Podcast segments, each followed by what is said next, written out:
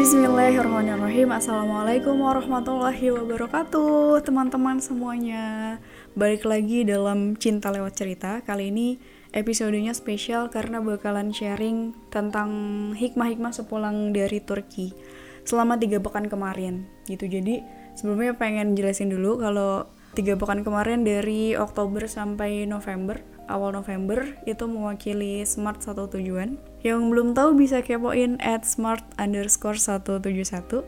Ada tiga kegiatan kurang lebih. Yang pertama ada dua konferensi, konferensi Giras sama konferensi Ruat.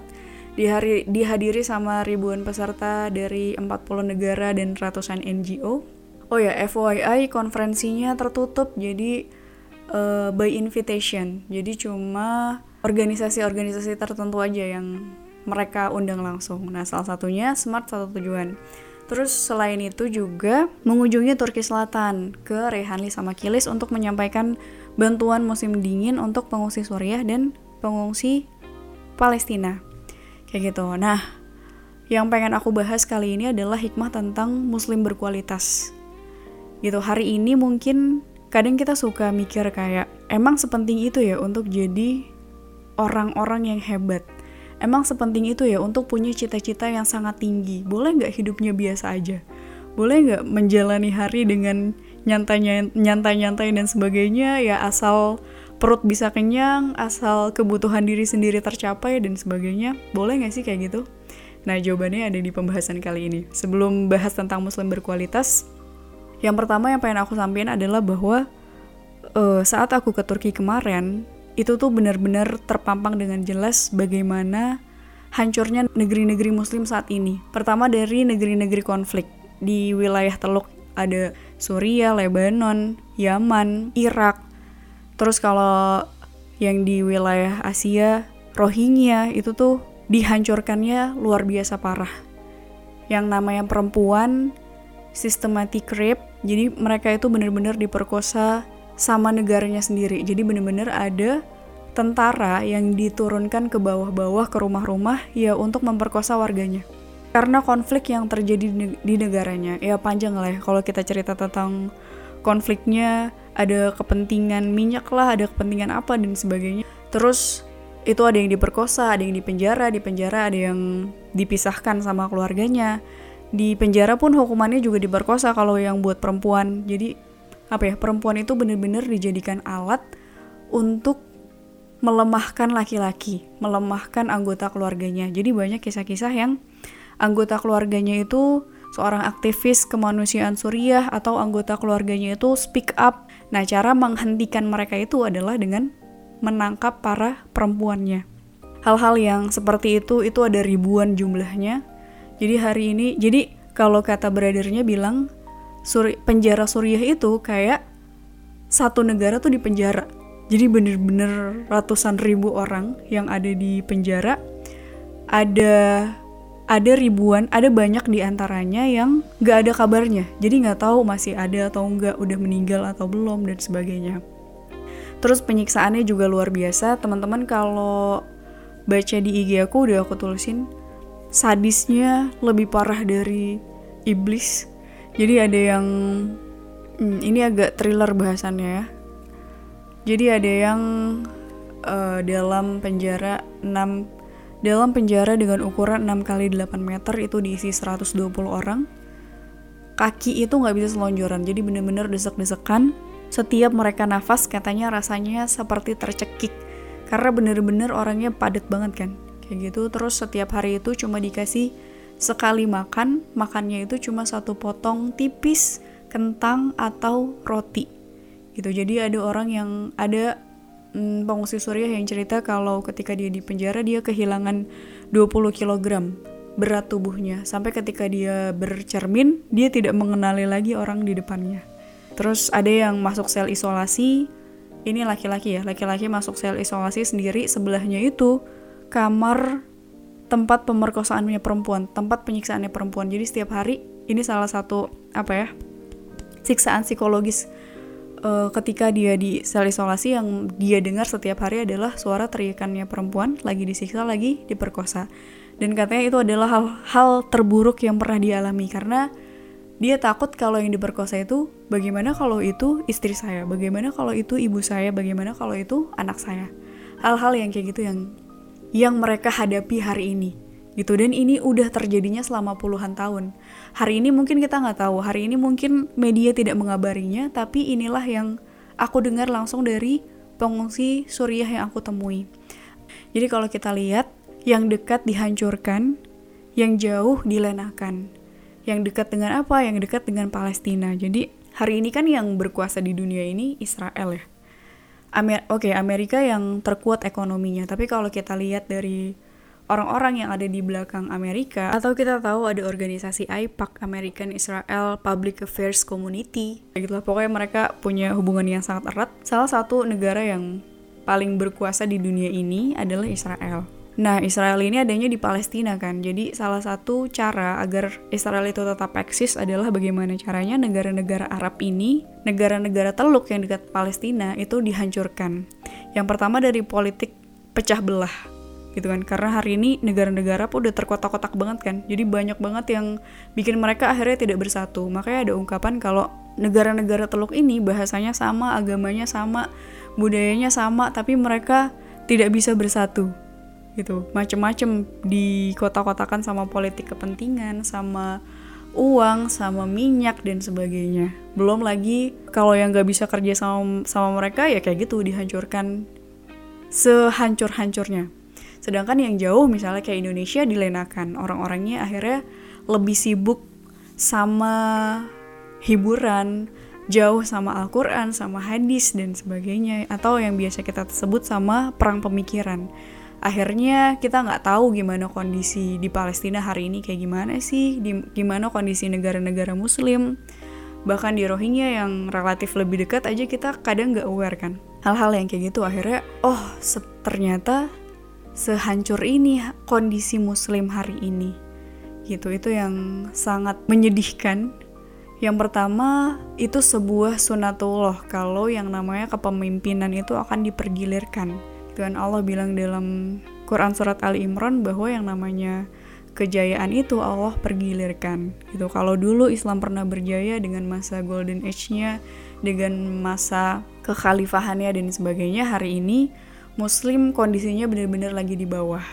Tapi yang kedua di satu sisi selain itu sunatullah, bisa jadi ini adalah sebuah hukumannya dari Allah karena hari ini Muslim, orang-orang Muslim meninggalkan Al-Quran sama hadis. Gitu, coba deh hari ini kita cek kedekatan kita sama Al-Quran sampai hari ini sedekat apa sih?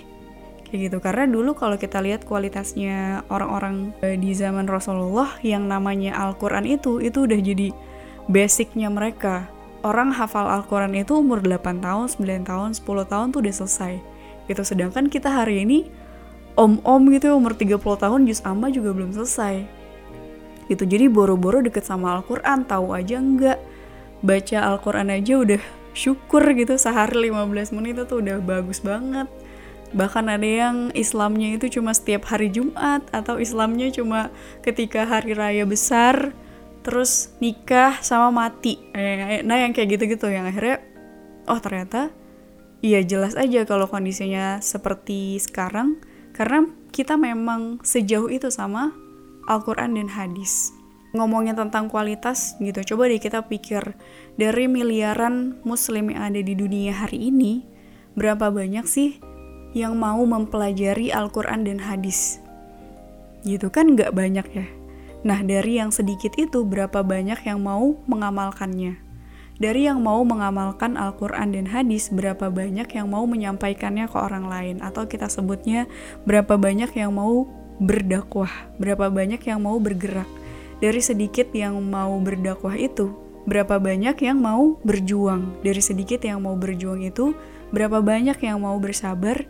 Dari sedikit yang bersabar itu, berapa banyak yang mau bertahan sampai akhir? gitu jadi kalau kita ngomongin kualitas dari tadi berbagai lapisan-lapisan itu dari banyak lingkaran-lingkaran itu hari ini kita ada di lingkaran yang keberapa sih gitu apakah kita udah jadi lingkaran yang inti yang orang-orang yang bisa menggerakkan atau jangan-jangan kita masih ada di lingkaran-lingkaran terluar gitu. Ini yang akhirnya aku lihat pada kualitas-kualitas muslim yang ikut konferensi gitu. Jadi dari ribuan yang hadir gitu ya rata-rata mereka itu kualitasnya luar biasa banget. Jadi kalau aku kenalan sama kanan kiri gampang banget untuk menemukan seorang doktor seorang profesor seorang ulama seorang dosen seorang syekh seorang syekhoh gitu. Jadi kualitasnya tuh luar biasa. Kualitas-kualitas mereka itu aku ngelihatnya mimpi-mimpi kita hari ini itu adalah standarnya bagi mereka. Jadi kalau hari ini kita bermimpi gitu ya berusaha banget berjuang tapi nggak dapet dapet untuk yang namanya bisa hafal Al-Quran uh, pendidikan ngejar ngejar lulus atau yang udah lulus mau S2 mau S3 atau financial freedom atau kemampuan bahasa kita pengen banget hari ini bisa mastering bahasa Inggris, bahasa Arab dan sebagainya. Nah hal-hal yang kita impikan itu adalah basicnya mereka gitu loh. Jadi levelnya mereka itu udah main di level peran dan kebermanfaatan. Itu jadi kalau mau nyombongin soal bahasa, nyombongin soal pendidikan itu tuh deh. Ya terus kenapa kalau lo pendidikannya udah tinggi, mana peran, mana sebesar apa manfaat yang bisa lo berikan kayak gitu. Kalau level-levelnya orang di sana tuh udah seperti itu, jadi luar biasa banget. Itu terus aku mikir, mungkin gitu ya kenapa hari ini Israel bisa maju, kenapa hari ini orang-orang Yahudi itu bisa menguasai dunia tanda kutip mungkin karena jumlah mereka kan saat ini sekitar 18 juta 8 juta sampai 9 juta itu ada di Palestina sisanya bertebaran di seluruh dunia gitu mungkin walaupun mereka jumlahnya dikit tapi mungkin 18 juta 18 jutanya itu kualitasnya tuh sekeren-keren yang kayak ada di konferensi itu. Keren versinya mereka ya. Gitu. Sedangkan muslim dari sekian miliar mungkin cuma sedikit di antaranya yang kualitasnya itu seperti orang-orang yang aku temui di konferensi tersebut. Kayak gitu. Makanya dulu Rasulullah selalu bilang sebenarnya ketika Islam itu berjaya kita nggak pernah ngomongin tentang kuantitas. Tapi pasti selalu ngomongin tentang kualitas Islam itu menang Islam itu bisa berjaya bukan karena kuantitas tapi karena kualitas dari orang-orang muslim tersebut gitu di, di dalam Al-Quran surat Al-Baqarah kan ya Allah bilang bahwa berapa banyak kelompok yang sedikit bisa mengalahkan kelompok yang banyak ketika dia bersabar, ketika dia bersama Allah. Intinya jadi menyadarkan kembali bahwa oh ternyata sepenting itu untuk punya pribadi-pribadi yang berkualitas. Jadi ketika hari ini kita mupeng gitu ya sama orang-orang yang ada di panggung internasional karena mereka peran dan manfaatnya sudah luar biasa banyak dari kita. Saat hari ini kita mupeng banget misalnya kayak kemarin di konferensi itu ada seorang hartawan gitu ya yang ketika malam donasi dia menyumbangkan satu juta dolar. Kalau di konferensi kira dikonversi kira-kira 14 miliar. Saat kita pengen bisa jadi orang-orang yang apa ya punya pengaruh untuk dunia maka yang namanya tadi basic-basicnya itu ya mau nggak mau harus kita lewatin. Gitu yang namanya hafal Al-Quran, yang namanya pendidikannya tinggi, yang namanya finansialnya oke, okay, yang namanya bahasa Arab dan bahasa Inggrisnya bagus, atau misalnya kalau mau lebih luas lagi bahasa Mandarinnya juga oke, okay, kalau ilmu yang pengen kita dapat lebih luas lagi. Gitu jadi yang mimpi-mimpi yang kayak gitu, yang basic-basic itu mau nggak mau harus kita lewatin. Dan cara ngelewatinnya mau nggak mau ya harus bekerja keras dan bekerja cerdas gitu. Jadi kalau emang pengen punya mimpi-mimpi besar mau nggak mau step-step yang tadi harus kita lewatin. It's all about position. Di mana posisi surga yang mau kita ambil, maka sebesar itu jugalah kerja yang harus kita lakukan. Maka sebesar itu jugalah usaha yang kita keluarkan. Al-Qurannya masih empot-empotan gitu kan. Gimana mau Allah kasih karya-karya yang besar kalau bekalnya aja kita belum siap gitu. Jadi hari ini kita coba untuk menyiapkan bekal-bekal itu dari Al-Quran, kita siapkan bekal dari sholat-sholat kita, dari sholat qiyamulail kita, dari kualitas-kualitas kehidupan dunia kita gitu ya, itu bekal-bekal yang akhirnya nanti semoga Allah berikan rizki untuk bisa punya karya-karya yang besar, untuk bisa punya manfaat-manfaat yang luas. Oke, okay, itu dia sharing-sharing aku tentang menjadi muslim yang berkualitas. Semoga bermanfaat, semoga bisa kita sama-sama terapkan. See you on top teman-teman. Wassalamualaikum warahmatullahi wabarakatuh.